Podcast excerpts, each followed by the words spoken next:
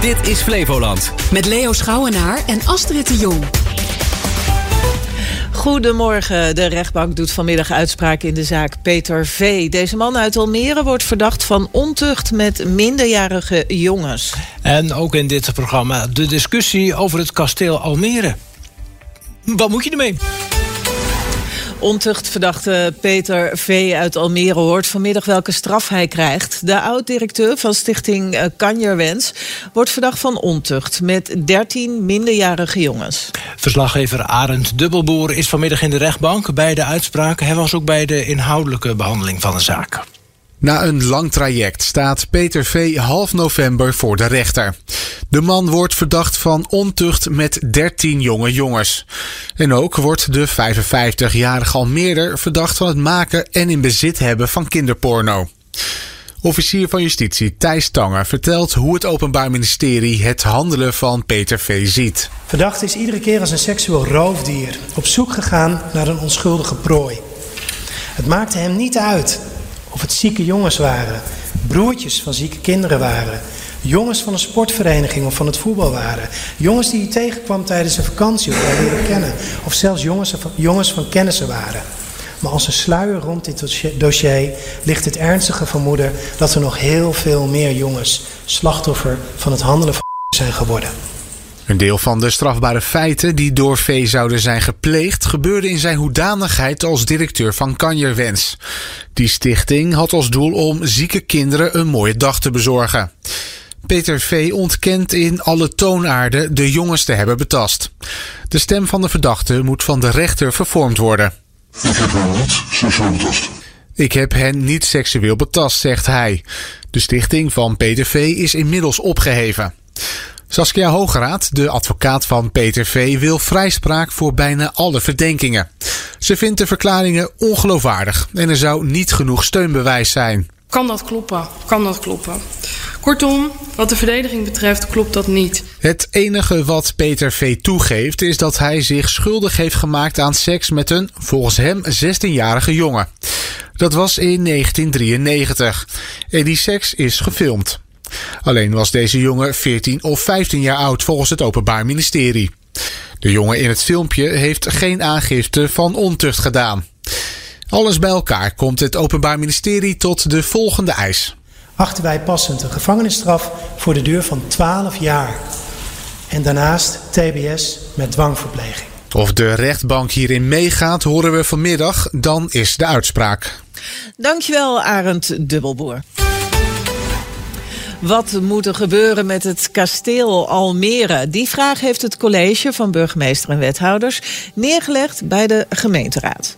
Ja, wat moet er komen? Moet er wel iets komen? En hoe dan? En door wie? De politieke partijen gingen gisteravond met elkaar in debat.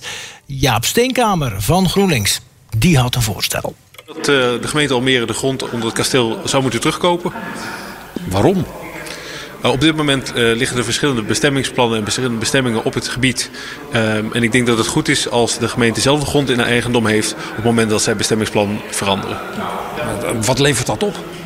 Nou, dan kun je in alle vrijheid als uh, gemeente zelf bepalen wat is nou hetgeen we hier echt willen. Is dat nog het kasteel afbouwen? Is dat zoals sommige partijen voorstellen woningen toevoegen?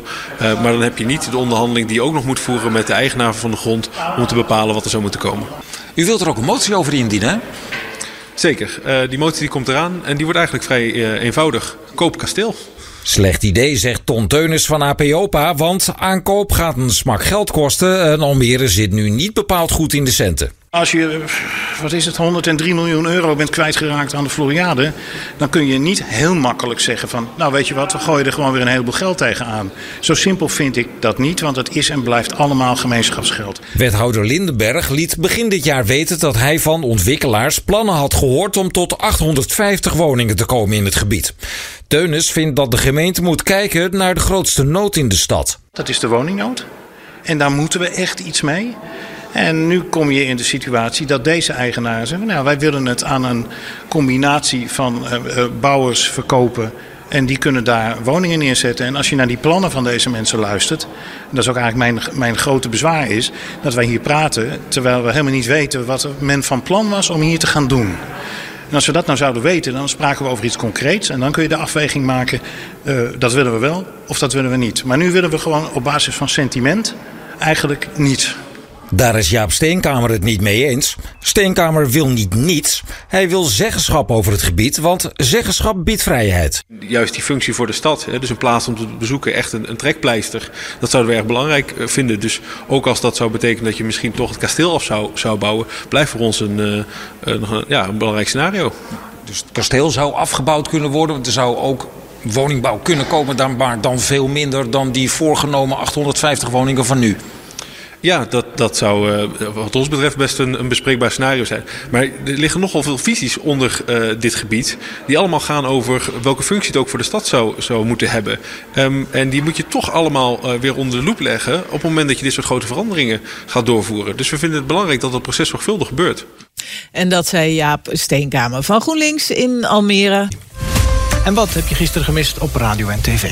Nou, in Nieuwsuur ging het over het onnodig weghalen van de baarmoeder. Dat gebeurt ieder jaar bij zo'n 400 vrouwen.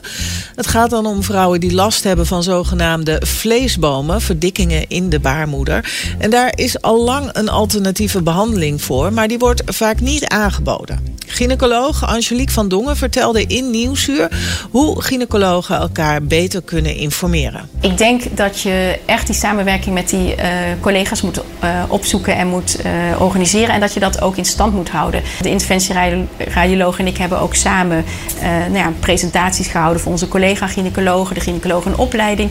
Zodat het ook ja, echt binnen het ziekenhuis en binnen de omgeving met de huisartsen bekend werd. En Cecile van de Boogaard die kreeg ook te horen dat haar baarmoeder verwijderd moest worden. En toen ben ik een dag later ben ik zelf dingen gaan uitzoeken. Uh, kwam ik een andere optie tegen. En toen sprak ik de, de gynaecoloog en toen was het antwoord ja, dat kan ook. En, en ja, dat, toen voelde ik ook alsof de vloer onder mijn voeten uh, vandaan ging. Het is een fantastische oplossing die er al jaren is. Die moet genoemd worden en hij is gewoon niet genoemd. En dat, dat, ja, dus in die zin ben ik ook heel boos geweest op die gynaecoloog. Ja, zij zoekt het dan nog op. Ja. Dat doet niet iedereen. Nee, dat is echt heel raar. En waarom? Ik denk dat het duurder is, die andere behandeling. Denk ik. Geen idee. In op 1 deed burgemeester Pieter Verhoeven van Gouda een oproep om tijdens de feestdagen en in het bijzonder tijdens de jaarwisseling de hulpdiensten met rust te laten. Nou, het is natuurlijk toch een beetje een maffe Nederlandse traditie dat eh, pak een beetje na 12 uur tot een uur of twee, drie s'nachts een soort periode lijkt aangebroken te zijn van wetteloosheid waar mensen gewoon maar doen waar ze zin in hebben. Uh, met als gevolg dat de regio Hagelanden uh, brandweer extra mensen mee moeten sturen om hun eigen collega's te beschermen om gewoon auto's te blussen. Dat is natuurlijk absurd. Of zoals deze brandweerman zegt. Het blijft een beetje handen van, van hulpverleners af. Wij hebben ook een gezin. Wij willen ook uh, de volgende dag, wij werken nog 24 uur, willen ook de volgende dag naar huis toe, naar ons gezin. En wij willen ook geen rottigheid. Weet je, laat het gewoon een leuk feestje worden. Uh, laten we met elkaar gewoon uh, iets gezelligs ervan maken. En blijf gewoon van, met je handen van hulpverleners af. En dat heb je gisteravond gemist op radio en tv. Almere City heeft gisteravond de achtste finales bereikt van het toernooi om de KNVB-beker. De club won met 1-2 van VV Katwijk. City kwam na een kwartier al op 1-0 achterstand... en na 25 minuten ook nog eens met 10 man te staan. Toch won de club uit Almere dus uiteindelijk. Trainer Alex Pastoor was na afloop niet te spreken over de start van City. Met 11 tegen 11 en 1-0 achter. Uh, dat vond ik er niet goed uitzien. Ik vond dat we heel matig starten, heel slordig starten ook. Veel te weinig gevoetbald. En dan een, uh, een dubbele gele kaart eroverheen voor, uh, voor Alvaro. nou, het, het levert in ieder geval op dat we beter gingen voetballen. En twee keer scoorden. Dus ik vond ons in de eerste helft met 10 man beter dan met 11. Tweede gele kaart van Alvaro Peño in een heel kort tijdsbestek. waar die mee jullie dupeert. onnodig compleet uh, onnodig. Uh, en, en ook terechte gele kaart. Ik bedoel, uh, daar hoeven we niet, niet over te discussiëren. maar ja, het goede van de zaak was dat we beter gingen voetballen. Ja, kom je ook nog heel goed weg als zij de binnenkant van de paal raken met die vrije trap. ja, jij moet ingrijpen. Je brengt racing voor Lens Duivenstein. Lens Duivenstein, die eindelijk weer kon spelen, die wordt dan wel ja, het kind van de rekening. Ja, Ja, kijk, eh, eh, van ons als staf, van mij als eindverantwoordelijke, wordt verwacht dat ik eh, beslissingen neem. die of het proces of het resultaat de goede kant op helpen. En ik sta hier niet om broodjes te bakken. En dat is natuurlijk gewoon zwaar vervelend voor, voor Lens. Zoals dat ook voor, voor Theo was, die we er in de rust afgehaald ha- hebben. Maar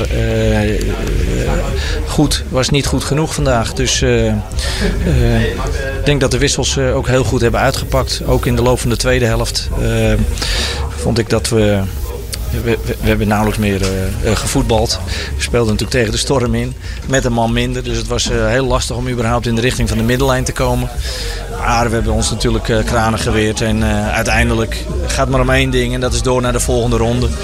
Ehm, en dat laatste maakt alle gesprekken over daarvoor eh, eigenlijk niet belangrijk. Het was echt eh, eigenlijk eh, met de rug tegen de muur de hele tweede helft. Eh, hagel, eh, afgekeurde goal, alles erop en eraan. Maar uiteindelijk trek je hem over de streep en dat is het belangrijkste. Vraag niet hoe. Ja, nou weet je, eh, ik, ik denk dat we dat gewoon qua vechtlust, eh, qua organisatie eigenlijk prima gedaan hebben.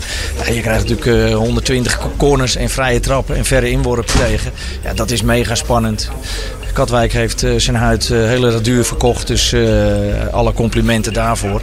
En eh, ja, het was uh, ouderwets billen knijpen, maar we zijn door. Dus, eh, Mooi einde van 2023. Fanta- Fantastisch jaar voor Almere City. Eh, ja, in een notendop, hoe kijk jij erop terug? Het afgelopen jaar? Ja, daar hebben we nu mooi de tijd voor. Eh, ik vind dat, eh, dat het in sportief opzicht een, eh, een grandioos jaar was. Ik denk dat we, we hebben resultaat gekoppeld aan een manier waar volgens mij de club mee verder kan. Dus dat stemt tot heel veel tevredenheid. En we gaan er keihard aan werken om dat in 2024 nog een, een swing naar boven te geven. En dat was trainer Alex Pastoor van Almere City. In de volgende ronde van het bekers, bekertoernooi spelen de Almeerders een thuiswedstrijd tegen Fortuna Sittard. En dan nu de berichten van buiten Flevoland. De storm Pia heeft tot flink wat schade geleid. Hoge waterstanden, omgewaaide bomen en erg veel werk voor de waterschappen. Op Texel is bijna het hele havengebied ondergelopen. Sommige restaurants zijn alleen nog per boot bereikbaar. In Harlingen en Scheveningen zijn de kades overstroomd. En in Egmond aan Zee is het nog spannend. Het water komt zo hoog dat de golven waarschijnlijk over de strandopgang zullen slaan. Deze vrouw die je nu hoort, liet zich daar gisteren niet door afschrikken. Ze geniet van een storm. Ja, ik, eh, ik hou wel van een beetje hilariteit op het strand. Storm, dat, eh, als het even kan, dan kom ik altijd kijken. En toen, kwa- en toen kwamen we hier en dan zag je die grote show vol. En toen dacht je, oh, oh, oh, oh. Dat wil ik zien natuurlijk, dat is leuk. Ja, ja. dat dacht ik. Ja. Bij Rotterdam ging gisteravond de, Maas, eh, de Maaslandkering dicht. Dat was voor het eerst eh, dat dat gebeurde vanwege hoogwater. En daarmee waren alle zes de stormvloedkeringen gesloten. Het water in de Eems bij Delfzijl in Groningen staat ongeveer 4,70 meter boven NAP en heeft net het hoogste punt bereikt. En het waterschap heeft vannacht voor de zekerheid ook even de dijken gecontroleerd. Maar verwacht geen grote problemen door het hoogwater. De golfjes die, eh, die, die, die komen hier aan. Eh, we horen het, we zien het. Ehm, en het is dus een stuk hoger dan normaal. Spannend met betrekking tot het water eh, op zee wordt het niet. We hebben best wel een hoge waterstand. 4,70 meter boven NAP wordt er verwacht. Maar dat is een waterstand die onze dijk prima aan kan. Gelukkig maar. Het is misschien wel de grootste stunt ooit in het bekertoernooi. De amateurs van Heracles uit de derde divisie schakelden gisteren Ajax uit. Deze Hercules-fan, He- Hercules moet ik zeggen, niet Heracles, die zit al in de Eredivisie. Die kon het niet geloven. Wij zijn Ja, ik, ik heb geen woorden voor. Ja, ik vind het eh, bizar. Helemaal niks! Helemaal niks! Helemaal niks! Een klein beetje moest ik het traantje laten. Je kunt dit eh, totaal niet verwachten en dan gebeurt er zoiets fantastisch. En dan ook nog tegen zo'n mooie club. Dus eh, ja, perfect.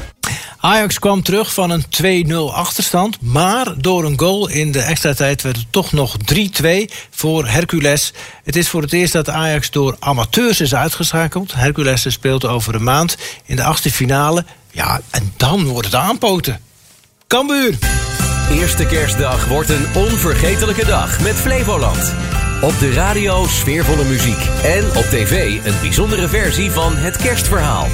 Je hoort en ziet bekende en nieuwe gospels, bekende popsongs en natuurlijk een prachtige kerstvertelling in een uniek jasje. En vanaf 8 uur in de avond het spannende liefdesdrama Tom op de boerderij van theatergroep Suburbia. Jouw kerst wordt onvergetelijk. Kijk of luister eerste kerstdag naar Flevoland.